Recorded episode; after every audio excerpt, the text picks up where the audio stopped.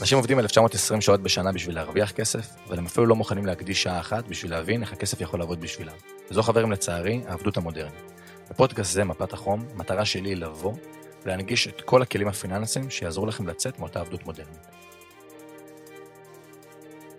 מה נשמע חברים וברוכים הבאים לפרק נוסף של פודקאסט אה, מפת החום. אה, בפודקאסט זה, כמו שאתם כבר יודעים, אה, המטרה היא באמת לשלב את שני העולמות הכי גדולים מבחינתי בעולם, בעולם שלנו, שזה פיננסים והמנטליות. מנטליות, mindset, תודעה, כל הדברים האלה. ובשביל לדבר באופן מקצועי מאוד על הנושא הזה, הבאתי גם חבר טוב וגם איש מקצוע, אה, מעוז, שכבר אה, תציג את עצמך, שבו אנחנו יכולים לדבר באמת על כל הנושא של תודעה, מנטליות, איך אפשר אה, לפתח את הדברים האלה, איך שומרים על האיזונים בין קריירה לזוגיות, למשפחה, המון המון דברים. אז שלום מעוז, מה נשמע, מה קורה? שלום, שלום, בוקר טוב. בוא ספר לנו לכל קהל המאזינים שעדיין לא מכיר ויכיר החל מפוד כזה, מי אתה, עברך, מה אתה עושה היום, תן איזה בריף ארוך מאוד, okay. אוקיי. אנחנו פה. אוקיי, okay, אז קודם כל בוקר טוב לכולם. אני מעוז סמי, אני מאמן מנטלי, אני עובד עם ספורטאים, בעיקר עם שחקני כדורגל. עד לפני שנתיים שלוש עוד הייתי שחקן כדורגל, שיחקתי בליגת העל, בליגה לאומית. אה, והתגלגלתי לעולם הזה של האימון המנטלי משתי סיבות. סיבה אחת, אה, חיפשתי משמעות, חיפשתי משמעות בעולם, מה הסיבה, אה, למה אנחנו כאן, כל מיני שאלות גדולות ומורכבות, ומצד שני, בנושא המקצועי. ניסיתי להבין למה בשבוע מסוים אני משחק ברמה מסוימת ושבוע אחר כך אני לא מצליח לתפקד, למה מול מאמן כזה אני מתנהג בצורה כזאת ומול מאמן אחר אני מתנהג בצורה אחרת. אה, וככל ששאלתי יותר שאלות הגעתי ליותר תובנות, הגעתי לכל מיני קורסים, כל מיני מקומות שבהם אה, למדתי על התפתחות אישית, עד שבסוף לקראת סוף הקריירה עשיתי איזשהו מעשה, אה, הלכתי ללמוד אימון מנטלי אצל איתן עזריה, שעד היום אנחנו חברים טובים ואנחנו עושים הרבה דברים ביחד, ונשאבתי לזה, התחלתי לתפוס איזשהו גרעין מאוד מאוד עמוק, שאני מבין שיש אפשרות לשנות דברים בעזרת בעזרת האמונות, בעזרת כוח המחשבה, בעזרת מה שאנחנו עושים. שאתה, היום אתה עובד בעיקר עם חבר'ה כדורגלנים, בפרט ספורטאים בכלל, גילאים? אה, בעיקר, בעיקר עם שחקני כדורגל מליגת העל, ליגה לאומית, כאלו שמשחקים בחו"ל, אה, באופן אישי, יותר באחד על אחד, אה, שזה בעצם ממש ליווי מלא של מפגשים שבועיים ושיחות במהלך השבוע. שזה כאילו גם באופן כללי כחלק מהעונה וגם כהכנה למשחקים באופן ספציפי. כן, בונים אה, איזשהו mindset כזה מאוד מאוד חזק, מאוד עוצמתי. אה, וכמובן, אתה יודע, מי שמתעסק עם, אה, בעולם תחרותי של הצלחות, כישלונות, אז כל הזמן אתה מגיע לאיזשהו peak מסוים, אתה צריך לבנות משהו חדש, אז זה ש... מה שאני עושה. לגמרי, אנחנו נדבר הרבה על, על הפיקים ובעולם הספורט בא לידי ביטוי, אני חושב, באופן שבועי במשחק, לא משנה מול איזה קבוצה, ובעולם של הקריירה זה בא לידי ביטוי משיחות מכירה כאלה ואחרות. אז בואו נתחיל בדבר הראשון, מה זה חוסן מנטלי באופן כללי, מה זה תודעה, זימונים, כל הדברים האלה, נפרט את המושגים האלה, ומה הקשר של כל הנושא הזה לביצוע שלנו בשטח, בפרקטיקה. אוקיי, okay, אז בואו בוא נתחיל לפרק את זה. קודם כל, חוסן מנטלי, איך שאני מגדיר אותו ואיך שאני רואה אותו, הוא בעצם היכולת שלנו להתמודד רגשית עם סיטואציות. זאת אומרת, עכשיו לצורך העניין, אה, ברגע שאני נפגע או מתרגש מסיטואציה מסוימת שקורית, שלפעמים היא לא בשליטתי, אז אני פגיע. אין לי חוסן. זאת אומרת, חוסן מנטלי מבחינתנו בתפיסה זה אמור להיות כמו סוג של... אה, מגן כזה. מגן, שריון, אה, חסינות, אוקיי? וברגע שיש לך את החסינות הזאת, אז אתה לא נותן לדברים חיצוניים ולדברים שקורים מסביב להיכנס אליך פנימה ואז אתה נשאר באמת בביצוע המקסימלי שלך. כי מה שיכול לפגוע לך בביצוע זה לרוב אה, הרגשות שלך, דברים ש, שקורים לך בפנים. זה כאילו יש את הביצוע שלי של מה אני עושה, כן. ויש את הרגשות והדברים החיצוניים שהם לא בשליטתי, שאני צריך לדעת ולפתח כלים שהם נקראים חוסן בשביל להתמודד איתם. בדיוק, הרגשות הם בשליטתי אם אני מצליח לשנות את הפרשנות ובעצם אני משנה את הפרשנות על ידי החוסן המנטלי הזה, אני מבין שיש דברים שהם כן בשליטתי, דברים שהם לא בשליטתי ואז אני מתמקד בעיקר, מתמקד במה שחשוב באמת ולא במה שאין לי עליו שליטה והייתי רוצה להשיג אותו אבל אין לי עליו שליטה. וואו, יפה, סבבה. אוקיי. מה זה mindset, תודעה, זימונים, רוץ על זה ככה ב... הלכנו גבוה. כן, הלכנו כן. גבוה מאוד. אוקיי. התחלנו ישר בגבוה. אז בגדול, אה, אני, אגיד את זה אחרת. בעצם, אה, אם יש לי mindset מאוד מאוד חזק, זאת אומרת שאני מפתח אותו ועובד עליו ומשקיע בו זמן, אז זה עוזר לי בביצועים. אבל אם יש לי ביצועים ממש טובים ויכולות ממש טובות ואין לי mindset מספיק חזק, אז בעצם לפעמים אני, אני עושה את כל הדברים נכון ואני לא מבין למה. אבל כשיש לי mindset חזק ו- ו- ו- ואני לומד אה, על עצמי ונכנס פנימה, אז גם כשהדברים לא מגיעים ולא קורים כמו שאני רוצה, אז אני מבין מה הסיבה, למה זה לא הגיע. ואז בעצם אני מחבר את כל זה, אה, ויותר קל להתמודד בחוץ. בחיים אמיתיים, כן. בדיוק, זה כאילו ההבאה של התת מודע למודע? זה במילים אחרות? כן, במילים אחרות כן. אה, אנחנו רוצים להגיע מאיזשהו מקום, אה, ממקום גבוה, להוריד את זה לפרקטיקה, לשטח, ואז אנחנו יכולים להשיג את הדברים שאנחנו רוצים יותר בדרך יותר אה, נעימה נקרא לזה. לא יהיה קל, כן, כמובן, גם ברור. זה וגם זה לא יהיה קל, אבל יהיה לנו איזושהי הבנה שאנחנו יכולים להתמודד עם זה בצורה אחרת. כן, אמרת, אמרת פה משהו יפה, זה כאילו יש אנשים שיש להם ביצועים טובים, אבל הם לא יודעים למה ביצועים האלה טובים, אבל יש להם בבק' איזה mindset אה, בריא, חזק, חכם, בדיוק. ויש כאלה שאם הם יפתחו את זה, והביצוע גם לא יהיה טוב כמו שהם ציפו, הם ידעו איך להתמודד איתו לפעם הבאה. חד משמעית. איך בכלל מתחילים לפתח חוסן כזה? זה אפילו יכול לגעת איך כדורגלן מגיע אליך. Okay. אוקיי. בסיטואציה מסוימת, לא יודע, בנוער, בליגת העל, לא מקבל את הדקות שהוא רוצה, הוא לא מגיע ליעדים שהוא רוצה, איך בכלל מתחילים לעבוד על דבר כזה? מה, מה הדבר הראשון שאתה שואל בן אדם? אומר לך, מוז, אני רוצה להתחיל תהליך. איך, איך, זה, איך זה בכלל מגיע לידי ביטוי? איך, איך מתחילים את התחום הזה? Okay, אוקיי, אז, אז בכדורגל יחסית זה די, די פשוט, כאילו... אה, אנשים יודעים מה הם רוצים מעצמם, זאת אומרת הוא יודע, יש לו איזושהי מטרה ברורה מסוימת שהוא רוצה אותה, לפעמים קצת מוסתרת, היא חבויה בפנים, אבל הוא יודע מה הוא רוצה, יש לו איזשהו רצון. אחרי שאנחנו מבינים את הרצון, אנחנו מבינים מה מונע ממנו להגיע לשם, מה, אה, מה מפריע לו בדרך. ואז תוך כדי השיחות ותוך כדי הדיבור אנחנו מבינים שיש איזושהי אמונה מסוימת שמנהלת אותו, שגורמת לו אה, כל פעם לפני שהוא עושה את הצעד המשמעותי, לחזור אחורה. כי כנראה הוא, הוא יכול להיות שהוא מאמין ש... אה, בשביל להצליח אסור לי לעשות טעויות לצורך העניין. אה, כן, בשביל שכאילו... להצליח אני צריך שכולם יאהבו אותי. אתה מבין? כל מיני דברים כאלה, אמונות שהכניסו לו כאילו... שזה יכול להיות מושרש מילדות שהוא בכלל מושרש... לא שם לב נכון, לזה. נכון, מושרש מילדות, זה... אתה שומע על זה בתקשורת, אתה שומע על זה בכל מיני מקרים, אבל אתה, אם אתה בודק את זה תכל'ס זה לא נכון. כך שחקן מצליח בעולם, לא כולם אוהבים אותו. אה, כך שחקן כן. מצליח מיליון טעויות. ועדיין באיזשהו מקום אנחנו אה, מאמינים שבשביל להצליח אסור לעשות טעויות. ואז אתה בעצם... אתה שם לעצמך איזשהו מחסום ראשון, ואחרי שמפרקים את המחסום הזה מתחילים לבנות אה, ביטחון עצמי, והביטחון עצמי נבנה אה, מהבנה בסיסית מאוד מאוד פשוטה, שביטחון עצמי זה בעצם ביטחון בעצמי. זאת אומרת שברגע שאני מתחיל אה, להבין שביטחון עצמי זה רק מה שתלוי בי, אז בעצם אני יכול לפתח איזשהו סוג של אה, ערך עצמי לא תלותי. שכאילו אני האחראי היחידי ל...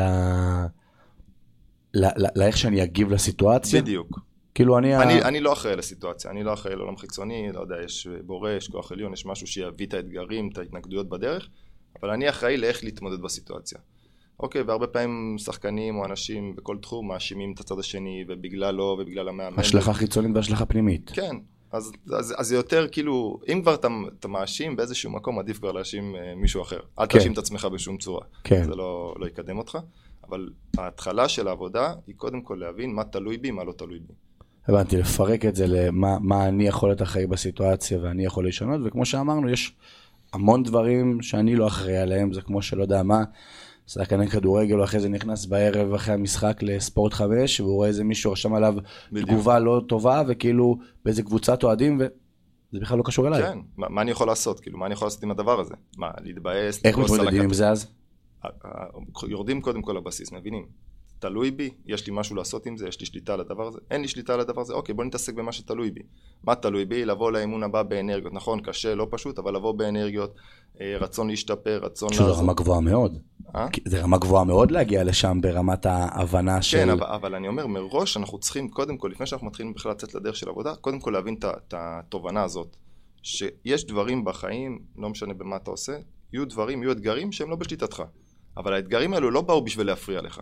כן, הם באו בשביל לחשל או לבנות אותך. או להפוך אותך לבן אדם אה, יותר חזק, או להפוך אותך לשחקן כדורגל יותר טוב, או להפוך אותך למישהו עם ערכים יותר גבוהים. כי אם מישהו, לצורך העניין, כותב עליי דברים, ואני בכל זאת מוחה לו, אז פתאום הפכתי להיות בן אדם אה, עם ענווה מסוימת, או משהו שהוא גרם לי להפוך להיות בן אדם יותר טוב, להתהלך בעולם עם איזשהו ערך עצמי יותר גבוה, פחות אה, יצר של לחימה ותחרותיות, אתה מבין? כן, זה לגמרי... אני חושב שזה... פוגש גם אותנו, אני יכול להגיד, אה, גם אותי אה, בחיים האישיים, כל הזמן, שאני, אני גם אמרתי את זה הרבה פעמים ברחבי המדיה שלי, שאני לפעמים מגיע ושאני מתמקד, ב, ואני עושה את הכי טוב שלי. הדרך היא המדהימה, אבל בסוף התוצאה הלקוח לא סגר. ויכול להיות שהוא לא סגר לא בגללי, ואני עשיתי את כל הדברים הכי טובים מבחינתי, וזה בדיוק, זה דברים שלא תלויים בי. והבנה של איך יום למחרת אני מתחיל עוד יום עבודה, ומתקשר לעוד לקוחות מתעניינים, ומביא את אותה אנרגיה, ומביא את אותה אנרגיה לכל פגישה מחדש, מבלי להבין שזה, בסוף זה לא תלוי בי. כי יכול להיות שהוא לא רצה בגלל המון המון דברים אה, מאחורי הקלעים. אני שואל אותך שאלה כזאת, אז הכל זה mindset? הכל זה... בסוף כל מה שאנחנו עושים ביום יום, זה נמצא אצלנו בראש? שאלה ככה כן, בגבוה. לא, אני, אני מאמין שכן, בסופו של דבר כן, בפשט כן, כאילו אם אנחנו שואלים את זה בכלליות כן, אבל בסוף אתה לא יכול להגיד אני ב mindset מאוד מאוד גבוה, אני מבין דברים אחרת, אני רואה את המציאות אחרת, אבל בפועל לא לבוא ולעשות אה, אימוני טכניקה, ולא לעשות אימוני חדר כושר, ולא ללמוד אה, טקטיקה. לצורך העניין עכשיו שחקן כדורגל, לצורך, אה, נגיד מורכב מארבע יסודות, אוקיי? מנטלי, טכני, טקטי ופיזי. אוקיי, ואם עכשיו הוא רק עובד מנטלית וכל היום עובד מנטלית וקורא ולומד חומר גבוה ומבין עניינים, מבין איך להתמודד, אבל בתכלס הוא לא הולך לחדר כושר הוא לא עושה פעולות. אקטיביות, כן. בדיוק, אז באיזשהו מקום, אתה יודע, אולי מבחינה מנטלית הוא יודע להתמודד עם לחץ, יודע, אבל אתה לא, לא תוכל לעשות את הפעולות במגרש. כן. אתה מבין? אז בעצם אנחנו צריכים לעבוד על כל הדברים, אבל אם יש לך יכולת מנטלית לרוב, אתה תבין שאתה צריך לעשות את שלושת הדברים האחרים. הבנתי, סבבה. זה, זה, זה, זה חיבר לי נקודה שאני פעם, יש ספר מאוד מפורסם בעולמות של הזימון, מנטליות, mindset, אה, מחשבה יוצרת מציאות, של נקרא ספר הסוד. סרט, ספר, כן. שאני פעם ראשונה הגעתי, אני לא, אני לא אשכח את זה לעולם, הגעתי לסטימצקי, אני שואל את המוכרת, תני לי המלצה על ספרים, ואני רואה את הספר הסוד שקראתי עליו בכל מיני מקומות המלצות. ואז היא באה וככה אומרת לי, תשמע, זה ספר אה, מאוד אה, בגבוה, אין שם דברים פרקטית והכל. אמרתי, יאללה, בגלל שהיא נגד, אני אקנה, אני אראה מה, מה כן. קורה שם. בפעם ראשונה שקראתי את זה, לא באמת הבנתי, כמו שאתה אומר, הרבה אנשים חושבים, מה זה לזמן? מה זה mindset? מה זה תודעה? הדברים האלה.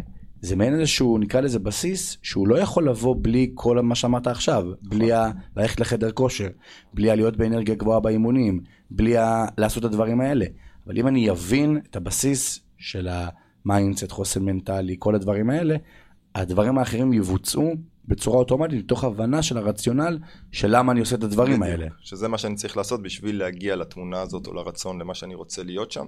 אז אני מבין שככה אני נראה סתם בעוד שנתיים שלוש, אז מן הסתם אני לא אותו בן אדם כמו עכשיו, אז אני צריך לעשות דברים בשביל להגיע לבן אדם הזה. אבל כן חשוב אה, ליצור לנו איזושהי תמונה, כמו לצורך העניין מה שאומרים בסוד, לשים לך איזושהי תמונה, אה, איזשהו חזון, כי, כי אז יש לך למה לשאוף. אני אקח נגיד אה, סיטואציה של, אה, שקרתה לי במונדיאל האחרון, לא לי, לארי קיין יותר נכון.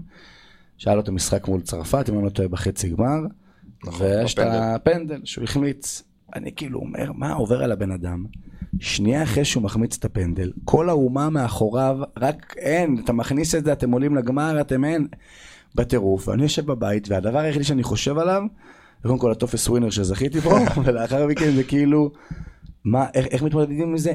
לא רגע אחרי שהגעתי למאמן המנטלי שלי בסוף המשחק, רגע אחרי שאני שומר דקה 74 החמצתי את הפנדל, דקה 75 אני בועט שוב פעם לשער. איך מפתחים את הדבר הזה? איך, איך, איך עושים את זה גם בפרקטית באימונים שאתה עושה עם המטופלים שלך וגם כן. פיזית להביא את זה לידי אוקיי. ביטוי? אז אני לא יודע לגבי הארי קיין, אני לא יודע מה, ה mindset שלו, אבל אני יכול להגיד לך שאני, הדרך שבה אני עובד עם המתאמנים שלי, היא להבין... מתאמנים, נכון? לא מטופלים יפה. מתאמנים, כן. אני לא... כן, זה לא... לא. אה, אז בעצם מה שאנחנו עושים, אנחנו מגיעים למצב שאנחנו מסתכלים על עצמנו אה, כמישהו שבא לתת. אוקיי, אני רוצה לבוא לתת, לעזור, רוצה לעזור לקבוצה, רוצה לעזור למערכת, רוצה לעזור לשחקנים. פחות אני העיקר, פחות אה, עכשיו לצורך העניין שחקן שבא לבעוט. פנדל. זה לא עכשיו, אה, וואו, אני אפקיע את הפנדל, כל המדינה תדבר עליי, אני, אני פה עכשיו בזמן המ- המשחק, חלק ממשהו. חלק ממשהו בשביל לעזור לקבוצה.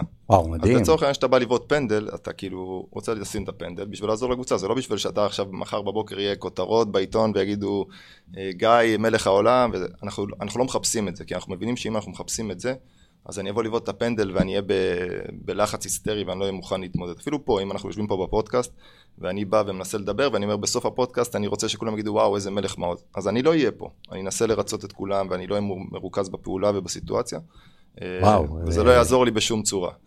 אה, ואתה אפילו סתם, מישהו שנותן שירות או מוכר משהו, סתם, תנסה, בוא ננסה אה, לקחת את זה לאיזושהי מטאפורה. לצורך העניין אתה נוסע ברכב, אה, וראית איזשהו קבצן בדרך, ואתה, יש לך עכשיו רצון טוב לבוא לעזור לו. באת, הוצאת שטר של 50 שקל, אתה רוצה לתת לו. אתה בא, שם לו בכוס, אומר לך, לא, לא, לא רוצה. אתה מתבאס? כן? למה? כי היה פה מטרה של לבוא ו- ו- ולעזור לו. אוקיי, אבל הוא לא רצה, הוא לא, הוא לא לקח. אני אנסה... אתה מתבאס כי אתה לא קיבלת את הנתינה שרצית, אתה מבין? אז באיזשהו מקום, אם אני בא ורוצה לתת שירות ורוצה לעזור למישהו, ובסוף הוא לא לוקח את זה, או שהוא מעביר עליי ביקורת, או שהוא לא אהב את המוצר, זה, זה הפסד שלו, לא שלי. אני לא עושה את זה בשביל שאני אקבל ממנו איזשהו משהו חזרה. אם אנחנו נצליח לפתח את המנגנון הזה אצלנו, אז פתאום אני, אני כבר לא העיקר, אני לא המרכז, כבר לא מפחיד אותי לעשות צעדים. כי כן. אני עושה אותם בשביל נתינה. ש- שזה מדהים, שוואלה, אני הרבה, הרבה נמצא בעולם הזה ברמת הספרים ומדיטציות ו- והרצאות והכל. פעם ראשונה שאני שומע את זה ואני מתחבר ברמה אחרת. שמח. ההבנה הזאת של אני חלק ממשהו, אני, פעם ראשונה שאני עכשיו פתאום יכול לבוא ולחשוב, אותו שחקן שבועט את הפנדל, הוא לא צריך לחשוב על עצמו כאני עיוות ומחר יהיה וואו איזה פנדל הוא שם והביא זה, אלא אני חלק ממשהו, ואני בא פה לשרת, אני בדיוק. בא לתת, אני לא בא פה... שזה, שזה בכלל כאילו המהות שלנו כבני אדם, אני מאמין שלכל אחד יש איזשהו תפקיד, איזשהו שביל פה במסע הזה, ואם אה, אתה מתמקד ב- במסע שלך ובשליחות שלך, אז כאילו, אתה יודע, כבר פחות, אתה פחות מפחד ממה, ממה יהיה, כי בה יש לך איזשהו משהו- לתת. כן, אתה מבין שאתה, זה בדיוק כמו שאני זוכר את עצמי בתחילת דרכי, שבאמת כולם היו נגד, ואני יכול להגיד, ואני אומר את זה גם בערך כל פודקאסט וכל לייב שעליתי וכל אה, זה, שזה באמת נכון, בהתחלה באמת כולם היו נגדי, כאילו מה הוא הולך, מה הוא עושה, מה פה, מה שם. תמיד אמרתי לעצמי את זה, שאני בסך הכל צינור של ידע, שתפקידו בעולם זה להעביר את הידע שהוא צבר הלאה. נכון. מעניין להיות באנרגיה של זרימה כל בדיוק. הזמן. אנחנו לא ממציאים פה כלום, כאילו, אתה יודע, בסוף בדיוק. אנחנו רק רוצים לעזור ל- לאנשים. לגמרי, זה, וואו, זה, אני חושב שזה מדהים.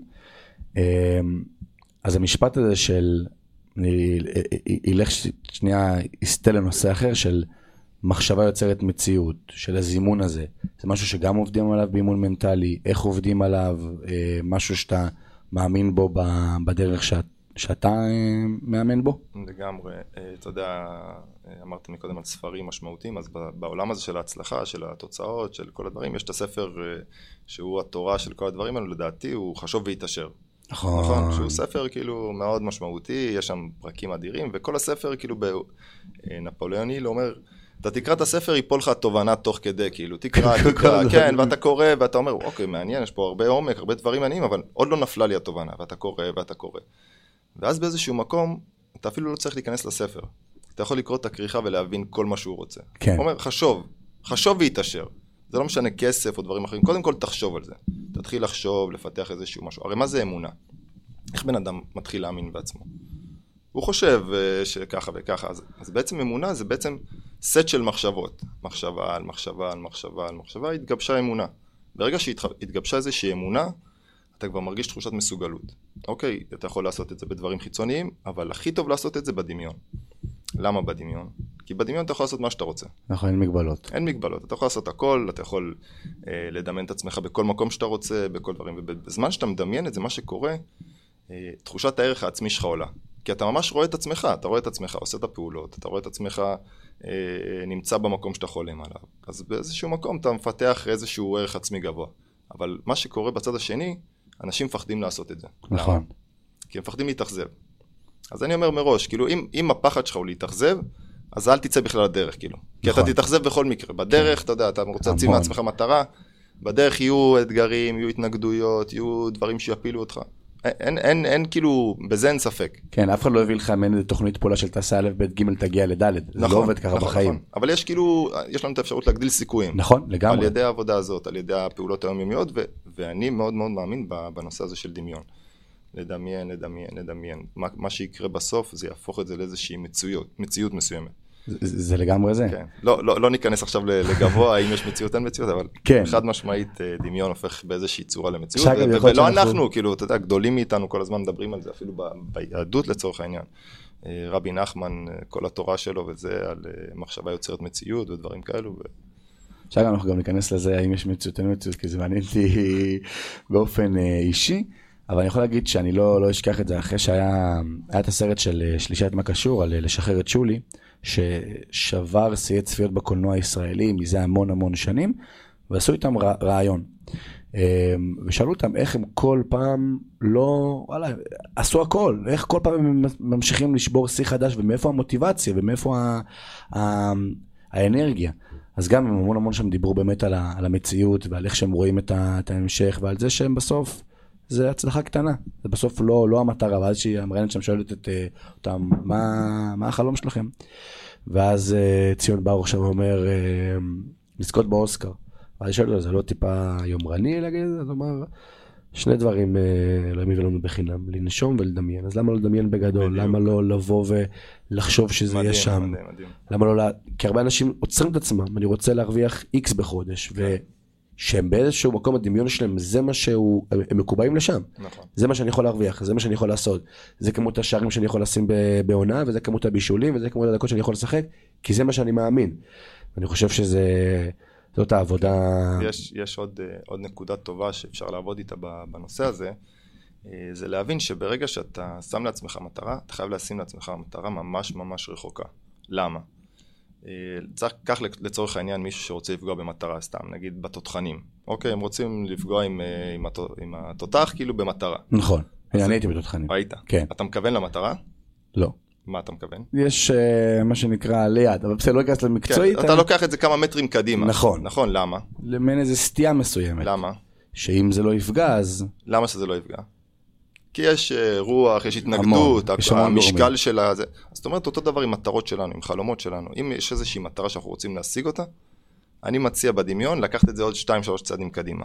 כי במקרה הגרוע, ברגע שיהיה התנגדויות, אז אתה תפגע במטרה, לצורך העניין.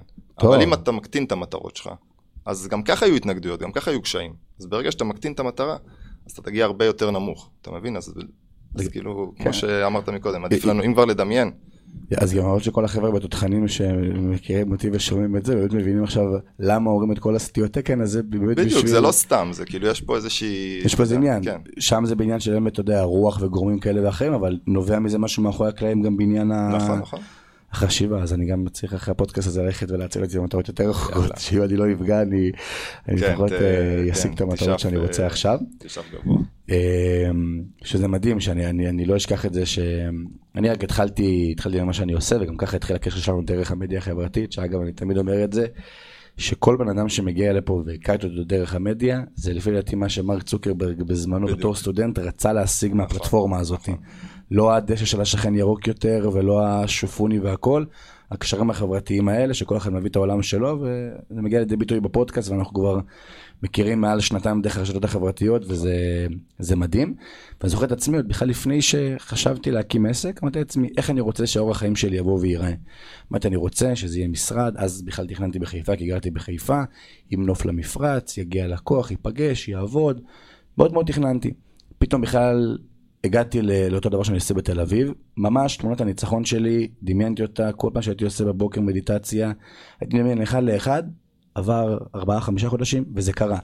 ואז פתאום הבנתי עם עצמי, בדיוק כמו שאתה אומר עכשיו, עכשיו נפל לי האסימון, שאם הייתי מציב מצב, מטרה יותר רחוקה, כי פתאום זאת הייתה- המטרה שלי, וכשהגעתי אליה, פתאום כזה, מה אין מטרות, אין, אין לאן אתה רוצה לבוא ולשאוף? כן, לא, פתאום אני מתחיל לשמור, אני מנסה לשמור על זה, ואז אני ב mindset אחר לגמרי, של פחדים. פחות קטע של אה, אומץ, ורוצה לטרוף את העולם, ורוצה להגיע למקומות גבוהים, כי אז פתאום אני, וואו, בואנה, כל מה שהשגתי עד עכשיו, שלא ילך לאיבוד, שבטעות אני לא אעשה טעויות ודברים כאלו, וזה מה שקורה גם לספורטאים.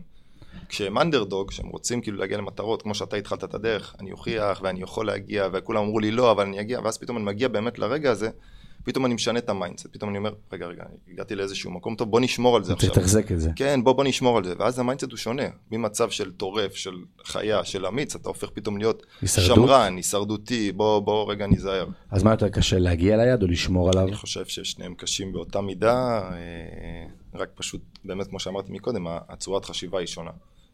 תן לי שנייה נקודה שכמו שאמרת, שאני רוצה להגיע ליעד, אז אני כאילו נהיה הרבה יותר טורף מה זה אומר, ושאני רוצה לשמור עליו, ואני נהיה יותר הישרדותי מה זה אומר. בדיוק, אז, אז הנקודה הזאת שברגע שהגעת ליעד, אוטומטית אתה צריך להרחיק את המטרות שלך.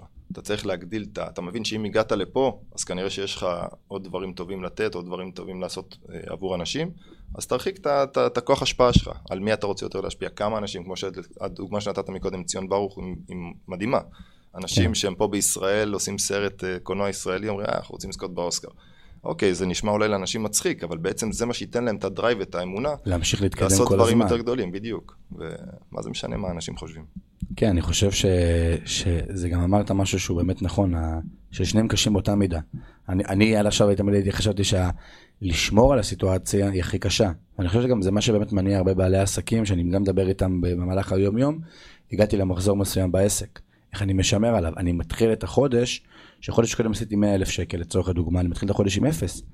ואתה כאילו פתאום נהיה, נהיה באיזשהו לחץ מסוים. זה קרה לי, ושיתפתי את זה גם בפודקאסט הקודם, לפני שטסתי לחו"ל, טסתי לחו"ל בינואר, והיה לי איזה שבוע וחצי, כמעט אה, שבועיים, שלא הייתי בארץ.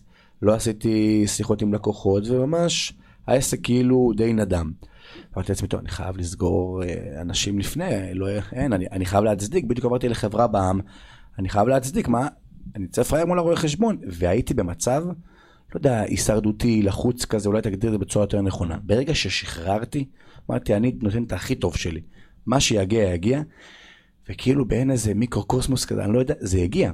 בלי שרציתי, שהייתי מאוד לחוץ של אני חייב אה, לבוא ולהשיג יותר אה, לקוחות, אני חייב שאנשים יבואו ויסגרו, אני חייב שיהיו יותר לידים, כי הכל אצלי אורגני, ברוך השם, שום דבר לא הגיע. ששחררתי ואמרתי, אני נותן את הכי טוב שלי, אני נותן את הכי הרבה ערך, ואני הכי עוזר לאנשים, ואני הכי רק נותן, פתאום הגיעו אליי. וזה כאילו היה, היה דבר ש... והוא כל פעם קורא לי מחדש, זה כל פעם קורה לי מחדש.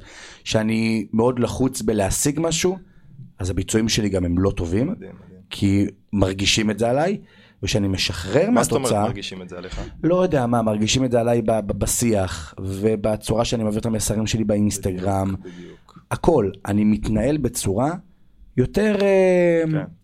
זה גם פחות אותנטי.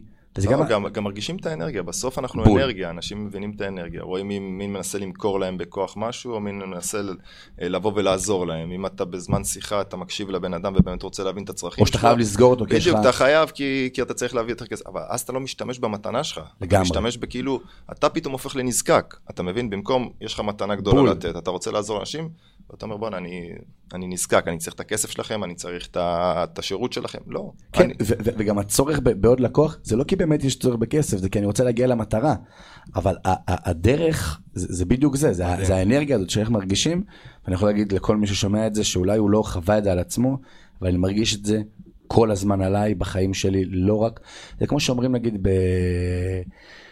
אני אשאל אותך דבר כזה, כן. זה משהו ש... שככה נושא שצץ לי מהראש. Okay. אוקיי. תמיד שאומרים, תמיד אמא שלי הייתה אומרת לי שהייתי קטן, של אל תחפש משהו, נגיד הייתי מאבד משהו. אז הייתי אומר לה, הייתי מנסה לחפש אותו ולמצוא אותו כל הזמן, לא הייתי, לא הייתי מוצא, אומרת לי, ברגע שתפסיק לחפש, תמצא אותו. מאחורי הקלעים, אני תמיד אומר את זה ואני חושב על זה שזה כאילו באיזשהו מקום, ברגע, ככה אני חושב על זה, שכאילו היקום יבוא ויגיד, אני רואה שאתה יכול גם להסתדר בלי זה ואין לך צורך בדבר הזה ספציפי, פתאום הדבר הזה שהוא מגיע אליך. Mm-hmm.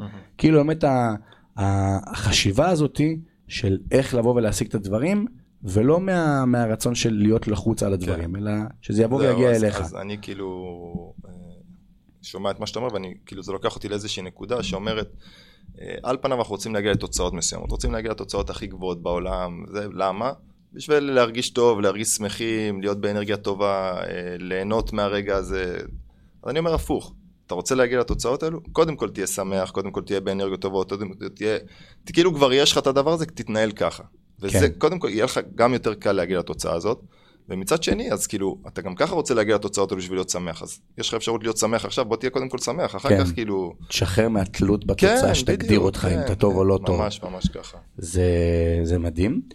אמ, שאלה נוספת שהייתה לי ככה לפודקאסט הזה, זה משמעת עצמית, מוטיבציה, איך זה, איך זה בא לידי ביטוי, אני מאוד חסיד של משמעת עצמית, פחות של מוטיבציה, יש חבר'ה שהם מאוד מוטיבציה, פחות משמעת עצמית. כן. יש כאלה גם וגם, איפה אתה נמצא ומה אתה מאמין. אה, אני מאמין בשליחות, כמה שזה נשמע גבוה, כאילו, ברגע שאתה אה, יודע שיש לך איזשהו, איזושהי מתנה, אה, והיא לא עבורך, אז גם מוטיבציה וגם משמעת עצמית כבר לא חלק מהעניין פה. אתה יודע שאתה חייב לעשות את זה, כי זה מה שאתה צריך לתת בעולם, זה הערך שאתה יכול לתת בעולם. אבל כשאתה משתמש במוטיבציה כגורם חיצוני, אז טוב, לפעמים זה עוזר לך קצת וזה, אבל זה מתי שהוא נגמר, האש הזאת נכון. נגמרת.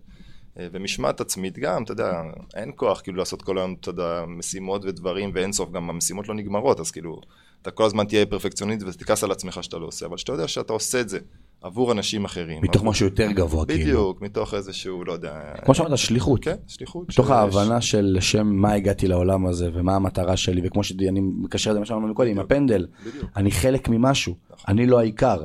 אז אני עושה את הדברים האלה מתוך הבנה של משהו הרבה יותר גדול. ובשביל זה באמת צריך לעשות את הבירור הזה לפני, אתה מבין? כן. קודם כל, מה המשמעות? מקודם כל, מה המשמעות? מה, מה, מה המשמעות שלי פה? מה... אז כאילו כששחקן כדורגל מגיע אליך, אני מקשר את זה לעולמך. השאלה הראשונה, אולי הראשונה זה כאילו, למה אתה רוצה להיות שחקן כדורגל? למה אתה רוצה להצליח? מה המטרה? כן, אז, אז באמת הרבה טועים בהתחלה, טועים, באמת אני אומר לך, טועים, כי הם אומרים, אני רוצה שיהיה לי הרבה כסף, אני רוצה ש... לגור במקום כזה ואחר, אחרי שאתה נכנס לעומק אתה מבין שהם רוצים את כל זה בשביל לעזור לאחרים. כן. אני רוצה שיהיה לי הרבה כסף בשביל שיהיה לי כסף לתת להורים שלי. אני רוצה שיהיה לי... שכבר כסף לא תהיה דאגה כלכלית. כן, שאני אגיע ל... לאנגליה בשביל שאני אוכל להשפיע על הרבה אה, ילדים צעירים פה בישראל. בסוף אתה רוצה להשיג דברים בשביל לתת לאחרים. כן. אז מראש בוא נצא לדבר הזה, בגלל שאנחנו רוצים לעזור לאחרים. ולא בגלל ה... ולא בגלל הפרסום. כי אלה ש... תופעות לוואי שיגיעו. כן. אוקיי, גם אם אתה רוצה פרסום לצורך העניין אפילו, זה פרסום בשביל לתת למישהו אחר. זה, זה ביהדות קוראים לזה הרצון לקבל בשביל לתת. אוקיי, אם אתה רוצה רק לקבל בשביל עצמך, אז האנרגיה שם, גם אם אתה תגיע לשיא ההצלחה שלך, אתה תסיים את הקריירה, אתה תהיה גמור, כאילו אין לך, אין לך מה, אין לך כן. ערך. אבל אם אתה עושה את כל זה, בשביל לקבל משהו מהעולם, כי אתה רוצה לתת, להעביר את האנרגיה הזאת, אז כבר כיף לצאת למסע הזה, אתה כבר לא בחששות שבטעות לא תצליח או כן תצליח, כי אתה רוצה רק לעזור. כן, אתה מבין פה שאתה... אני חושב שגם כל פעם שאנחנו יורדים לנקודה התחתונה, אנחנו באמת מבינים שהכל פה זה כי אנחנו משהו, אנחנו חלק ממשהו יותר כן, גדול. סוג של אחדות מסוימת כזאת. בדיוק, של... אנחנו מבינים בשביל מה אנחנו פה, כמו שאמרת, אותו מישהו שרוצה לצאת לאנגליה, רוצה לצאת כי שהילד שיראה את הגול של מנור סולומון עכשיו שם בפול, הם יגיד וואלה, אני גם יכול. יש לי סיכוי, כן, יש לי סיכוי, אני יכול להצליח, ושמנור סולומון עושה את זה לצורך העניין, ויושב לו בראש, הילדים בפתח תקווה או איפה שהוא גדל, שהם יבואו לתת להם הרצאה כמו שהוא עשה לו מזמן, כן. להכניס בהם אמונה ומוטיבציה, אז, אז יש לו למה לעשות את זה. זה כמו שאנחנו רואים את כל הבאמת אה, שחקני כדורגל אה, מפורסמים, שהגיעו נגיד מאפריקה או מדרום אמריקה או מרכז נכון. אמריקה, פתאום חוזרים, מקימים איזה... מרכזים. בדיוק, כן. מרכזים, בית חולים, וכאילו, זה, זה המרגש אותם. בדיוק, זה המנוע. בדיוק, זה אתה המנוע. לא מנוע. אתה לא צריך מוטיבציה שמישהו יגיד לך, הלאה, אתה צריך לנצח את המשחק הזה אה, בשביל שתהיה, ש... לא יודע, ש... שמחר לך כותרת בעיתון, כן, איזה גול שמת. זה, זה, זה מוטיבציה לא בריאה, כי אז אתה כאילו, אתה, אתה עבד של התוצאות האלו. אתה מבין? בדיוק. אתה רוצה אותם רק עבור עצמך. כשאתה מבין שהכותרת בעיתון תשפיע על אותו ילד, בדיוק. שקורא את זה עם אבא שלו בארוחת ערב, אז אתה מבין למה לעשות את זה. בדיוק. אני חושב שזה כאילו הרמה אחת מעל, אני מדבר איתך ואני מסורת שם, אני עם צמרמורות, כי זה הבנה כאילו של, של וואו, אני חושב גם שאתה חי את החיים האלה בהבנה כזאת, אתה חי את החיים שלך בצורה הרבה יותר נקייה, כן. רגועה, משוחררת, ממש. התוצאות שלך מגיעות הרבה יותר... זה, זה, זה, אתה רוצה להשיג את התוצאות ויחד עם זה לשמור על הנפש. בדיוק. אתה מבין? אתה לא, אתה לא, אתה לא שוחק את הנפש בדרך. וזה... וזה גם, קשר, גם קשר אותי לשאלה הבאה של... אני רואה אותך באמת ברשתות החברתיות, אה, ועוד פעם, ברשתות החברתיות, גם עליי, זה לא איזה מדגם מייצג של כל החיים שלנו, וחשוב, כמו איזה אזהרה לפני שממליצים על מניה. הרשתות החברתיות הן מוגבלות בנראות, אבל עדיין, באמת, איך, איך מאזנים בין הקריירה לזוגיות, למשפחה? יכול להגיד שאני רואה על עצמי היום בעסק שלי, שאני לא מצליח לאזן בין החיים האישיים לבין החיים המקצועיים, והחיים המקצועיים לפעמים הרבה פעמים באים על החיים האישיים שלי, ואני חושב על גיא של עוד חמש ושש שנים, שכבר יהיה לו משפחה ויהיה לו ילדים. צריך לצאת בארבע וחצי לחוג של הילד או הילדה, כי זה המהות שלי בסוף בתור אבא. נכון. איך, איך מצליחים לשמור על, ה, על הדבר הזה, גם ברמה הפרקטית, אבל יותר ברמה, ברמה הרוחנית, אוקיי, בדיוק, בתפיסה. אז, אז, אז אני אגיד לך איך אני רואה את הדבר. קודם כל, אה, ההבנה הזאת שיש לך כל כך הרבה מקומות שאתה צריך להיות בהם, היא, היא גורמת לך כאילו להניע את עצמך, אתה יודע, אתה צריך לעשות, יודע, אישה, ילדים, אה, קריירה, אתה רוצה להשפיע, בדיוק, כל מיני דברים שאתה רוצה לעשות. אבל יש איזושהי, איזה, אני לא זוכר מי אמר את זה, אבל אמרו, אתה רוצה לשנות את העולם, קודם כל תשנה את המדינה שלך, אתה רוצה לשנות את המדינה שלך, קודם כל תשנה את העיר שלך, אתה רוצה לשנות את העיר שלך, את השכונה שלך, אתה רוצה לשנות את השכונה שלך, תשנה את הבית שלך, אתה רוצה לשנות את הבית שלך, כן. תשנה את, את עצמך. אז קודם כל, ברגע שאני עובד עם עצמי ונהיה בן אדם יותר שלם, בן אדם יותר נינוח, אז אני רוצה להשפיע על הסביבה הקרובה שלי. אז קודם כל המשפחה, היא במקום הראשון לפני הכל, זאת אומרת לפני הקריירה, לפני ההשפעה החיצונית, לפני הכל. קודם כל אני רוצה שאשתי תהיה שמחה. המעוז שלי, איפה אני נמצא, כן, כאילו. קודם כל מעוז, קודם כל מעוז צריך להיות, למלא את עצמו באיזשהו מקום, באיזושהי הבנה שיש לו שליחות, שיש לו משמעות בעולם. ברגע שאתה יודע את זה, אתה פחות כועס, אתה פחות עצבני, אתה פחות אה, רודף אחרי הזמן, כי אתה יודע שבאת לפה ל-X זמן, אתה לא יודע כמה זמן, ובזמן הזה אתה צריך לעשות טוב ולהשפיע ו- ולמלא את החיים שלך. אז קודם כל, אחרי שמילאתי את עצמי, אני הולך לסביבה הקרובה שלי, למשפחה שלי, להורים שלי, לאחים שלי, לאשתי, לילדים, שם אני רוצה להשפיע הכי הרבה. אחרי שהשפעתי שם, אני מאמין שגם זה אור חוזר, אתה יודע, אתה נותן למש- לאשתך, האנרגיות שלך יותר טובות, אתה כאילו... כן, שאתה- שאתה- שהיא מרגישה, אני גם רואה את זה באמת אצל הרבה זוגות, וגם המון המון הרצאות שאני נגיד רואה בטד והכל שבאמת מדברים כן. על העניין הזה הזוגי, של ברגע שאני אעניק לאשתי, אני אקבל ממנה הרבה יותר דברים שאני רוצה. בדיוק, זה גם אפילו מבחינה. אסטרטגית, מבחינה אסטרטגית. זה, זה טוב לך, אתה בדיוק. מבין? אבל עזוב רגע את המקום האסטרטגי, מבחינה כאילו תפיסתית, אם אתה כן. רוצה לעזור לאנשים, אז קודם כל תעזור לאנשים הכי קרובים אליך. נכון, שזה ה... שהבק שלך יהיה יהיה בריא ונקי. בדיוק. אחרי, ה... אחרי הדברים האלה. זה בדיוק, אה, אמרת מי אמר את זה, אז זה, זה גנדי אמר, היה השינוי שאתה רוצה לראות אני בעולם. חושב שקונפינציוס אמר את ה... את, כן, המעגל כן, הזה. המעגל הזה. אז גנדי כנראה ישב לידו כן, והעתיק ממנו את ישבו ה... ביחד, כן, כיסא. ישבו ביחד והעתיקו. אמ, שזה מדהים, זה באמת נראה לי הבנה מדהימה. שאל שאלה יותר בפן אה, שקשורה לעולמי, עניין אה, הפיננסים. עניין של הבנה, פחות נראה לי מנטלי. קבוצות, היום ששחקן מגיע גם מהניסיון שלך בתור שחקן וגם אה, מהניסיון שלך עם שחקנים היום, מדברים על הנושא הזה, מעלים את הדבר הזה. היום ששחקן מגיע לקבוצה, מקבל איקס משכורת. כן. יושבים איתו, מסבירים לו ברמה הכי פרקטית, אה, מה זה קרן השתלמות, מה זה זה. אם, אם הוא לא עושה את זה לבד, אז לא. אה, קבוצות לא כל כך מעניין אותם, לפחות ממה שאני, מהחוויה שלי.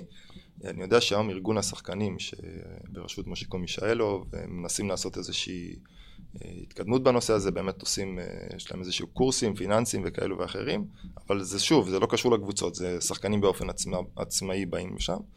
אה, אני חושב שאם שחקן רוצה להבין בעולמות האלו, אפילו גם דברים אחרים, לצורך העניין אם הוא רוצה להשתפר בדברים אחרים שקשורים בכדורגל, צריך לקחת על עצמו את העניין הזה ולהבין שהוא בעצמו העסק. ושאתה העסק ואתה לא נתמך על ידי הקבוצה ודברים כאלו, אז אתה משחרר את התלות הזאת בקבוצה שתסביר לך הכל ושתיתן לך את כל הדברים, אתה יכול לעשות את זה גם לבד, כי בסוף אתה מניה שאתה רוצה להשביח כן. את עצמה. כן, שזה בדיוק כמו שאמרת, אני, אני לא נותן את התלות שלי בקבוצה שאני אקבל נכון? ממנה, אם אלא... הקבוצה הזאת מחר מחרתיים לא תרצה אותי לצורך העניין, ואני עדיין משתבח, והיכולות. שלי משתבחות, אז מחר מחרתיים אני יכול להיות, ב- היום אתה יודע, הכדורגל הוא פתוח בכל העולם, כאילו, כן, ההבנה של אני פה ואני צריך שיהיה לי את הסל כלים המקצועי ביותר, גם בפן המנטלי, נכון. והכושר והתזונה, וה... לא יודע, פסיכולוג או פסיכולוגית אם. רוצים, וגם נכון, בעניין הפיננסי. לקבוצות אין, את היכולת הזאת לתת לך את זה, כאילו אין להם את ה... נגיד את התנאים, שחקן שמשחק בליגה א' או בליגה לאומית, אין לו, אין לו את התנאים האלו. אז הוא כנראה שצריך לעשות את זה לבד, אתה יודע, אין לו ברירה, אם כן. הוא רוצה להשביח את עצמו. שזה מעניין, מעניין, כי תכלס, אני חושב על זה עכשיו ברמה הכי פרקטית, גם תכלס לא באמת צריך להיות ציפייה, זה כמו, כמו ארגון, זה כמו שתצפה מאיזה חברת הייטק שתבוא ותיתן. אם הארגון הזה חשוב לו ורוצה לתת את זה כמעין איזה. אקסטרה, הוא ייתן. כן, כי אם הוא רוצה לא- לקדם את עצמו, אם החשיבה שלו היא כזאת, שהוא רואה קדימה חמש-שש שנים קדימה, אז כן, אבל אם הוא רואה רק את העונה הקרובה ואת ההצלחה של העונה הקרובה, אז לרוב הם לא ישקיעו, כאילו אין להם, אין להם עניין, כן. היום כל קבוצה בליגת העל, או... זה, זה משהו שהרי נכנס, זה לא טרנד כבר, אבל זה משהו שנכנס בעיקר בשנים האחרונות, כל אה, נושא האימון המנטלי. היום קבוצות מחזיקות מאמן מנטלי כקבוצה, או שלא? או שזה משהו שהוא חיצוני לא, באופן יש, פרטי? יש כמה קבוצות שמעסיקות מאמן מנטלי, לא כולם. אה, שהוא מאמן מנטלי של הקבוצה, אוקיי? כן, הוא בסוף חלק מהקבוצה, הוא חלק מהצוות המקצועי, הוא יושב בשיחות עם המאמן, שיחות עם העוזר מאמן, הרכבים, שיחות עם השחקנים. לא, לא הרכבים, לא, הוא אה, לא לא. נכנס לנושא המקצועי. ועדיף שלא. עדיף שלא. תשמע, אה, מאמן מבחינה מנטלית, עדיף שתשים אותו בהרכב, כן, כי בדיוק עבדנו כן. על לא, זה גם, השבוע. גם בקבוצה צריך, אתה יודע, זה, זה... אין מה לעשות, אתה מאמן מנטלי, אתה טוב ביכולת שלך לעזור לאנשים להיות שמחים יותר, להיות באנרגיה יותר גבוהה, להביא את עצמם לביצועים יותר גבוהים. אתה לא, אתה לא מבין בטקטיקה וביכול, באיפה שחקן צריך לעמוד במגרש, כל אחד צריך לעשות את העבודה שלו, אבל, אבל מה שקורה לרוב המאמנים, הם חושבים שהם גם מבינים בעניין הזה. ברגע כן. שהם חושבים שהם מומחים בעניין הזה, אז הם מסירים, לוקחים את כל התפקידים של האנשי צוות והם מנסים לעשות את זה, ואז זה פוגע במאמן. לצורך העניין ברק בכר, שהוא עושה עבודה מדהימה בשנים האחרונות. אם אתה תסתכל סביבו, כל, כל, כל איש צוות, יש לו את המחלקה שלו, והוא, והוא מתעסק בה. כן, וזה מה שהופך את ה... את המערכת של המערכת משומנת שמגיעה לתוצאות. כי הוא יודע לנהל את כל זה. יכול להיות שיבוא מאמן מנטלי מדהים, עם יכולות מדהימות, אבל הוא לא יודע לנהל, לא יודע לנהל צוות. כן. אז כאילו, זה לא משנה מה... אתה בסוף צריך ש... שהוא יהיה, זה כמו שאתה מחפש משקיע, אתה לא מחפש רק את הכסף שלו, אתה מחפש את ה-value שהוא נותן לך מעבר לכסף. מבחינה אסטרטגית, הוא ידע מה לעשות עם זה, ולאן לפנות. כי יש המון מאמנים מנטליים, אני מאמין טובים בארץ, אתה מחפש את המאמן המנטלי שגם ייתן לך את המעבר לאותו דבר. איך עושים, אני אשאל שאלה, אני מכיר בשנתון גיל שלי, אני 98, אני זוכר במכבי חיפה, בנוער היו המון שחקנים טובים ואחרים, היו גם חבר'ה שלי ששיחקו איתם עד הנערים ככה י'-י"א, ואיפשהו שם, לפחות בהרגשה שלי בתור אה, צופה מהצד, יש איזו התפקששות במעבר מהנוער לבוגרים, משהו נכון. שם מתפקשש נכון. ברמה... הרבה אנשים חושבים, הפיזיות היא שונה, בסדר, אנחנו לא באיזה אנגליה, זה לא הפיזיות היא שונה. מה זה זה? מה שם? מה... מה אתה חושב שקורה, מה אתה מזה שקורה, כי אתה גם עובד עם אוקיי, חבר'ה שהם... אז, אז כאילו זה מצחיק להגיד את זה לא במקום של גאווה, אני כבר לא חושב שזה מה שקורה, אני יודע מה קורה. אה, מה שקורה, כן, כי אתה יודע, אתה מדבר עם הרבה שחקנים, הרבה אה, ספורטאים, ואז אתה מבין כאילו את הנקודה. הנקודה העיקרית שקורית ברגע ששחקן עובר מנוער לבוגרים, לרוב השחקני נוער שעולים לבוגרים זה שחקנים המוכשרים ביותר, הטובים ביותר, אלו שבולטים נכון. בקבוצה. ואז ברגע ששחקן בן 19 אה, עובר לקבוצת בוגרים, אז לרוב, לרוב, חוץ ממקרים ממש בודדים, הוא הופך להיות uh, במעמד נמוך יותר. שהוא רגיל הרבה שנים להיות uh, השחקן הכי טוב בקבוצה, זה שכולם מדברים עליו, השחקן עתיד של ישראל וכל הדברים האלה, ואז פתאום הוא עולה לבוגרים, ואז פתאום הוא שחקן סגל בקושי. כן, בקושי סגל. ולפעמים הוא אוסף את הכדורים ועוזר כל מיני דברים, והוא פתאום נהיה סוג של שוליה כזאת. אז משהו בתפיסה שלו בזה, רגע, רגע, מה, אני לא הכוכב שחשבתי שאני אמור להיות, פתאום אני צריך אה, לעבוד יותר קשה ולעשות כל מיני דברים, ואני לא מקבל את המעמד שחשבתי שאני אקבל. שקיבלתי עד לפני שבועיים בנוער. ואז מה שקורה לו, הערך העצמי שלו נפגע מאוד, ואז הוא חושב שהוא, כנראה, כל מה שקרה, נוער, נוער זה לא אותו דבר כמו בוגרים, היכולות שלי לא מספיק טובות, כל מיני דברים כאלה. אבל, אבל פה נכנסת, סליחה שאני מתערב, המנטליות הישראלית. כן. כי אם הוא היה, אם המנטליות שלו הייתה במקום מאוד מאוד גבוה ובריא, בדיוק. הוא היה אומר, אני עכשיו מוקף בין האנשים שהם הרבה יותר טובים ממני, אני צריך להיות הרבה יותר טוב בדיוק. כדי להיות יותר נכון. טוב. נכון, קח את אוסקר גלוך לצורך העניין, שהוא, כשהוא הגיע לבוגרים של מכבי לא, לא ראית אפילו פעם אחת שהוא... הרגיש את הרצון הזה להיות במעמד מסוים או לקבל את כל הקרדיט. בהופעת בכורה שלו שם גול נגד מכבי חיפה, משחק שיא כאילו. כן, ואז אחרי תקופה מסוימת הוא ירד לספסל ולא שיחק, ולא, כאילו לא הרגשת איזושהי פגיעה בזה, למרות שהיה את העניינים עם אבא שלו, כן. צריך לזה, אבל הוא לצורך העניין זרק מטרות הרבה יותר גבוהות. תמיד מבחינתו היה להגיע למקומות יותר גבוהים.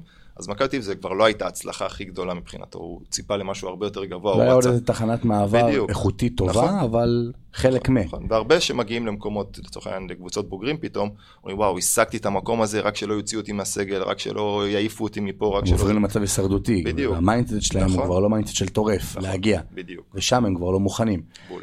איך אפשר לגשר על הפער הזה? אתה חושב שזה פער של היום הורה או, או, או ילד צריך כבר מגיל קטן 13, 14, 15 להתחיל להיות עם אה, מאמן מנטלי כדי להכין אותו ל, לרגע הזה, כדי להבין את זה? יכול להיות שיש הורה מאוד דומיננטי שהוא מבין את העניינים ואז אתה לא צריך מאמן מנטלי או דברים כאלו, אבל אם אתה תבין שכל פעם שאתה לא מקבל את מה שאתה רוצה, לצורך העניין לא קיבלת את ה... לשחק עכשיו בבוגרים ואתה בבוגרים, אז תסתכל על הדברים החיוביים, יש לך זמן לעבוד יותר קשה ולמשוך את עצמך למקומות יותר כמו שעוז אמר מקודם, אתה פתאום יודע שיש שחקנים אה, גדולים וחזקים, איכותיים יותר ממך, אז אתה יכול למשוך את עצמך למקומות יותר גבוהים, יש לך זמן לעבוד. נכון. אה, לרוב כשאתה משחק באופן קבוע, אז אתה לא יכול לדחוף את עצמך על עוד דברים אה, כן. משמעותיים, שגם זה בעיה, כאילו אנחנו הרבה פעמים חושבים שהמשחק הוא הדבר הכי חשוב.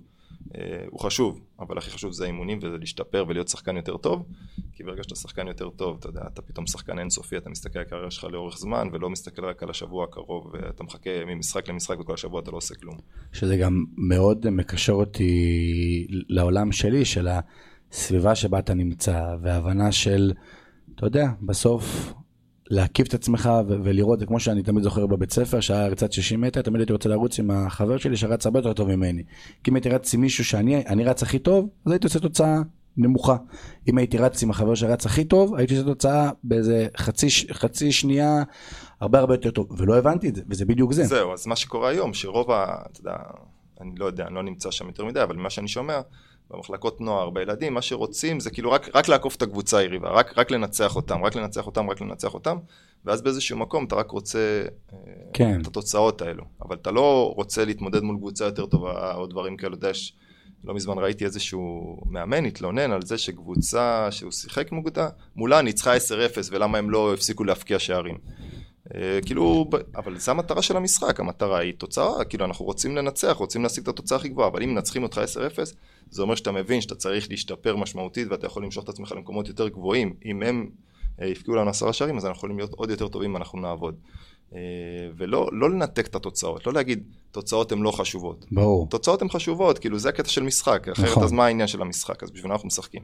רוצים נכון. לנצח את היריב שלנו וליהנות מזה, ו- וזה אבל הכיף פה. אבל הבנה באיזה, באיזה חשיבה אני מגיע לתוצאה. כאילו בדיוק, שאתה- איך אני מגיע ומה אני עושה אחרי התוצאה. ב- מה קורה איתי אחרי שהפסדתי. כן, פתאום. איך, איך מגיע לאותו, לא יודע, נגיד כך, ספורטאי אולימפי, שחקן, בא, מכבי חיפה, אין, נכון. הנה, הגיע, ברק בכר, השיג בכדורגל הישראלי, נראה לי, חוץ מאימון אה, נבחרת, את כל מה שיכול לבוא נכון. ולהשיג.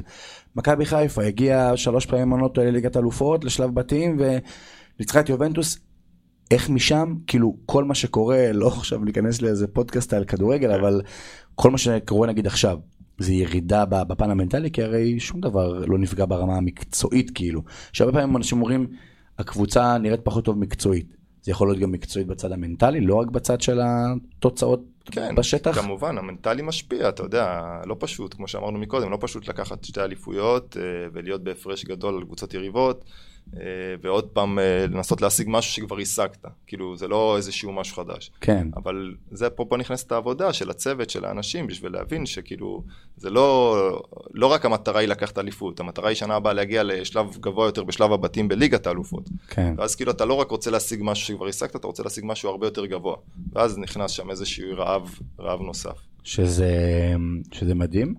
אז אם אני אשאל אותך שאלה כזאתי, מבחינה מנטלית, נפשית, מה עדיף לילד שהוא נמצא עכשיו נגיד בנוער, שיגדל במועדון קטן ויש שם כוכב, נגיד מנור סולום לפתח תקווה, או שיהיה במועדון אה, גדול וישחק מאוד מעט? מה עדיף? שהוא יהיה כאילו הכוכב, אני זוכר את עצמי שהייתי בכדורסל, כן, אז יש שלוש אה, רמות, יש את הלאומית, ארצית, מחוזית. אוקיי. הייתי יכול להיות בלאומית, הייתי שחקן אולי לא בסגל, במחוזית, תותח עולם, אין, אני מייקל ג'ורדן של המחוזית. אז אני, באותה מנטליות של ילד בן 14-15, עדיף להיות במחוזית. אוקיי. למה? כי אני לא רוצה להתמודד על המקום שלי שם. הבנתי. היום בדיעבד, אני אומר את זה גם על הקריירה שלי בצבא ועל היותי בתור ילד, שהיום אני מבין שכאילו די ויתרתי לעצמי באותה תקופה. של דווקא הייתי כן מעדיף, נקרא לזה, להילחם על המקום שלי. אתה רואה הבדלים בין, בין הדברים או שאתה מבחינתך זה אותו דבר? שמע, אני חושב ש... נגיד לשחקני כדורגל צעירים, ילדים במחלקות נוער, בגילאים האלו חשוב לשחק כדורגל. חשוב ממש לשחק, אתה יודע, זה קשה כאילו להתאמן כל השבוע ולא לשחק, זה מבאס, זה לא כיף. אבל היותר חשוב, שאתה תהיה שחקן יותר טוב. זאת אומרת, אם אתה נמצא במחלקת נוער שאין לה תנאים להצלחה, שאתה לא מקבל יסודות, שאתה לא לומד את המשחק, שאתה לא לומד כל מיני דברים, אז גם אם אתה תשחק מהיום עד מחר זה לא יעזור לך. אוקיי, אם אתה כבר נמצא במחלקת נוער כזאת, אתה צריך לעשות אימוני תוספות, לצורך העניין אימוני טכניקה, לנסות להבין דברים, כי אז בעצם אתה גם משחק וגם מרוויח את המקום שלך בתור שחקן, ואתה, כי בסוף שחקן כדורגל זה שחקן כדורגל, הוא צריך לשחק כן. כדורגל. ברור. ובזמן שהוא משחק כדורגל, אה, ובנוסף הוא משפר את היסודות שלו ואת כל הדברים הקטנים, אז הוא מרוויח אה, מכל, המכירים, מכל הכיוונים. אבל אם הוא כבר בקבוצה גדולה וגם שם הוא מקבל את המעטפת וגם הוא משחק, אז זה בכלל מושלם, זה מה שאנחנו רוצים, אה, כן, זה ה... זה. זה אז- האידיאל. אז איך באמת בגילאים, נקרא לזה נמוכים, אפילו מתחת לנוער, בדיוק ששם יש את הסינון הראשוני, איך עם כל הפיתויים מהצד, שאני רואה את החבר'ה שלי יורדים לים ואני יש לי אימון, ואת החבר'ה שלי יוצאים ביום שישי בערב, אבל ביום שבת יש לי משחק, ואני אפילו סתם לפעמים יושב בבית, רואה ביום אה, שישי בצהריים, שעה שלוש, או ביום שבת בבוקר, נוער משחק. אני כאילו אומר, איך הם עושים את זה? באמת, איך? אה, גם מה אתם עושים, אבל אה, איך אתם עושים את זה? כי אם אני רואה בשעה 11-12 את המשחק, הוא כבר בשעה 6 נכון. בבוקר כבר קם וצריך את נכון, השיניים. נכון. זה אומר שהוא הלך לישון ביום איך מתחזקים את זה בגיל כל כך, מה זה, צריך להיות אבא דומיננטי, צריך להיות דמות שם בסביבה, או שזה סתם? זה, זה, זה בעיקר סביבה, בעיקר סביבה שאתה גודל בה, שאתה נמצא בה, או שאתה... אה, אה, מקורות השראה כאלו ואחרים שאתה לומד מהם לצורך העניין, סתם אם אה, ילד, אבא שלו היה שחקן כדורגל מאוד מצליח או זה, אז אני מאמין שהוא, אתה יודע, יש איזשהו מודל לחיקוי, משהו שהוא רוצה, כזה. כן, זה. אה, אבל הקטע הזה של גיל ההתבגרות לצורך העניין הוא, הוא גיל מאוד קשה. כי באמת יש הרבה פיתויים, הרבה דברים שיכולים קצת להסיט אותך מהמטרה, אבל תמיד אני אומר ששחקן כדורגל, אה, זה אחד הדברים, לא יודע, ספורטאי, מישהו שיודע כבר כן. בגיל מאוד מאוד צעיר מה, מה הוא רוצה לעשות בחיים, זה כיף. תחשוב, כל הצעירים אחרי צבא ודברים כאלו נוסעים לטיולים בדרום אמריקה, רק בשביל להבין מה, כאילו, מה, מה אני צריך לעשות פה בעולם. פתאום בא נכון. ילד בן 14-15, וואלה, תשמע, אני כבר יודע מה אני רוצה לעשות בחיים. זה חזק, זה משמעותי, וזה מה שנותן לו את הדרייב, כאילו, לקום בבוקר, לעשות אימונים, ללכת וזה, אבל אם הוא באמת מבין שזה מה שהוא רוצה לעשות בחיים, זה התשוקה שלו. מדהים. איך, אה, ככה נשאל כמה שאלות אה, אחרונות, אני ארוץ שככה יהיה לנו בזמן כן. ולא נגלוש, אבל איך שחקן, לא משנה באיזה גיל, אולי מגיל צעיר עד לגיל אה, מבוגר, יכול להתמודד נגיד עם, עם, עם פציעה, בסדר? אוקיי. הרגע הזה שהוא נפצע. רגע לפני שהוא אמור לצאת, אני יכול לקחת נגיד לתוך הדוגמה את נטע לביא לפני שנה והיה אמור לצאת לצ'סקה מוסקבה או מאור בוזגלו, אמור לצאת לזה בשקטה, אם אני לא טועה משהו כזה אחרי עונת חלום בבאר שבע, טאק נפצע. איך מתחזקים שם את המנטליות בזמן הזה. Okay. אוקיי. או שלפעמים אני רואה שהגעתי עם הקבוצה, כמו, לא יודע, משה שראה את הארץ המובטחת אבל לא נכנס אליה, mm-hmm. הגעתי עד לשם, דולב חזיזה הגיע מכבי חיפה ליגת אלופות, לא משחק חצי מהמשחקים. איך מתחזקים את זה? זה נראה לי אחד מהדברים קשה. המאתגרים ביותר. כן. אז קודם כל לגבי פציעה, אה, זה משהו שהוא, כאילו, הרבה שחקנים באמת נשברים ברגע הזה, כי הם מרגישים שיש להם הפסד, שלוקח, שכאילו איקס זמן הם אה, לא התקדמו. נכון. זה לא נכון, כאילו אתה יכול בתקופה הזאת להתקדם בהרבה מאוד דברים. זאת אומרת, אם ארבעה יסודות של שחקן כדורגל אלמנטלי, טכני, פיזי ו...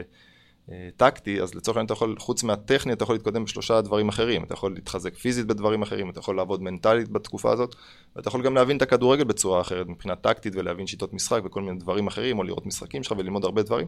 אז ככה שאתה תמיד מתקדם. גם כשאתה פצוע אתה יכול להתקדם במשהו, אתה מבין? כן. וזה אז נותן לך איזשהו, וואלה, אני, אני, אני אעבור את התקופה הזאת, אני אחזור, אני אהיה שחקן חזק יותר. אתה מבין? אתה לא הולך אחורה. כן, מתקדם. כמו שאמרת, יש תמיד שיש לך ארבע יסודות, אני חושב שזה גם לא רק לספורטאי, אלא בכל כן, תחום כן. בחיים, ספורטאי זה הטקטי והטכני, אבל בבעל עסק או במישהו שעושה בזה בדברים אחרים, אתה מבין שבסדר, זה נגדע, כי היום לעשות זה הגורם החיצוני שאין לי, אין לי, אין לי שליטה בדיוק. עליו, אבל שאני מבין שהכל כביכול, מה שתלוי בי, אני, אני יכול לעשות, לעשות, אז אני הולך ומתחזק בדברים האלה. בדיוק. ושהטכני יתווסף, אז כל הבסיס כבר יהיה הרבה יותר חזק ויציב. ואז אני אתפוצץ uh, למעלה. מדהים. זה מדהים. נכון. טוב, אני, אני יכול להגיד שיש לי עוד המון המון שאלות אה, לשאול, אבל אני חושב ש... אני תמיד חושב שאם גיא היה שומע את הפודקאסט הזה, שהיה מתאמן בחדר כושר לפני שנתיים, אמ, והיה, והיה באמת שומע, הוא היה פה יוצא, וואו, אני חייב לרשום, וכל שנייה היה עוצר, והיה פותח את הפתקים בטלפון, ואני חושב שהגענו לה, להישג שאנחנו, שאני רציתי להגיע. אה, יש לי שאלה אחרונה שאני תמיד שואל ככה חבר'ה שמגיעים לפודקאסט, שזה יותר שליפה מהמותן. אם אתה ניתן לך את האפשרות uh, לעלות uh, שלט באיילון, פרסומת בטלוויזיה, משהו שבאמת פריים טיים, כולם רואים, לא מסר שיווקי, לא מסר פרסומי, לא מכירתי, מסר שאתה אומר, אני רוצה שהבן אדם בפקק באיילון יבוא ויראה, וזה יעורר אצלו משהו. אני תמיד אומר שאצלי, זה שאנשים עובדים 1920 שעות בשנה בשביל להרוויח כסף, אבל אפילו לא לומדים שעה אחת איך הכסף יכול לעבוד בשבילם. אני חושב שזה מסר, הוא יהיה, כן, זה הבאתי הבטחה, אני מביא הבטחה כל פודקאסט, אז זה חייב לבוא ולהיות, לתת את זה. מי שייכנס לו, ייכנס לו, מי שלא זה לא, זה לפי דעתי בין איזה סנן אה, ראשוני. מה, מה אצלך okay. אוקיי. המסר? Uh, וואו, זה גדול. כן. אבל אני יכול להגיד לך מה המסר שאצלי עובד תמיד, והוא מחזיק אצלי כבר הרבה שנים, שמעתי אותו פעם, uh, שמעתי אותו הרבה פעמים, אבל פעם אחת באמת הבנתי את המשמעות שלו. Uh, זה מצווה גדולה להיות בשמחה, תמיד. זאת אומרת, כאילו, אתה יודע, יש את המשפט הזה ואנחנו שומעים אותו אינסוף וזה, אבל אנחנו לא נכון. מתעמקים בו באמת. כאילו, במשפט הזה אומר אה, רבי נחמן, מצווה גדולה להיות בשמחה, נקודה, תמיד. תמיד. כאילו, מה עכשיו, מה, מה הוסיף את הנקודה הזאת תמיד? כן. שלא תהיה בשמחה רק שהכל טוב, שהתוצאות מגיעות, שהלקוח מגיע, שכולם... אה, שה... שאני בשיא שלי. בדיוק, שהכל הולך טוב. גם שלא טוב, תהיה, תהיה בשמחה. עכשיו, עזוב את העניין הזה שזה גורם לך להרגיש יותר טוב. מבחינה אסטרטגית, מבחינה ביצועית, מבחינה עסקית, מבחינת שחקן כדורגל, ברגע שאתה במשברים ואתה עדיין שמח, אתה יוצא מהם מהר. אתה יוצא, אה, אני לא, לא מוצא אפילו נקודה טובה אחת בלהיות עצוב. באמת, אני אומר לך, כאילו, יש לי על זה מחלוקות עם הרבה מאוד אנשים. אני לא מוצא בזה שום, שום, שום נקודה טובה. כן, ברגע זה... שאתה שמח, אתה, אתה יודע, האנרגיה שלך אחרת, המבטים שלך, השיחות שלך אחרות. זה לא משנה מה קורה כאילו בחוץ. אם אתה שמח, זהו כבר, כאילו הצלחת, ההצלחה הגיעה. כן, זה, זה, זה, זה וואו. אין, לי כן. speechless, חבר'ה, אין לי מה להוסיף, מדהים. כן. אמ, קודם כל אני חייב להגיד לך תודה רבה שבאת להתארח והקדשת מזמנך ומהידע שלך והמקצועיות שלך, מעריך את זה מאוד. אה, ותודה לכם חבר'ה שבאתם, שמעתם עוד פרק של אה, פודקאסט מפת החום, אהבתם, אתם יודעים, like, subscribe, כל הדברים שעוזרים לי להבין שאתם אוהבים את מה שאני מדבר פה שעות על גבי שעות. וזהו חברים, אנחנו ניפגש שבוע הבא, אותו יום, אותה שעה, אוהב אתכם.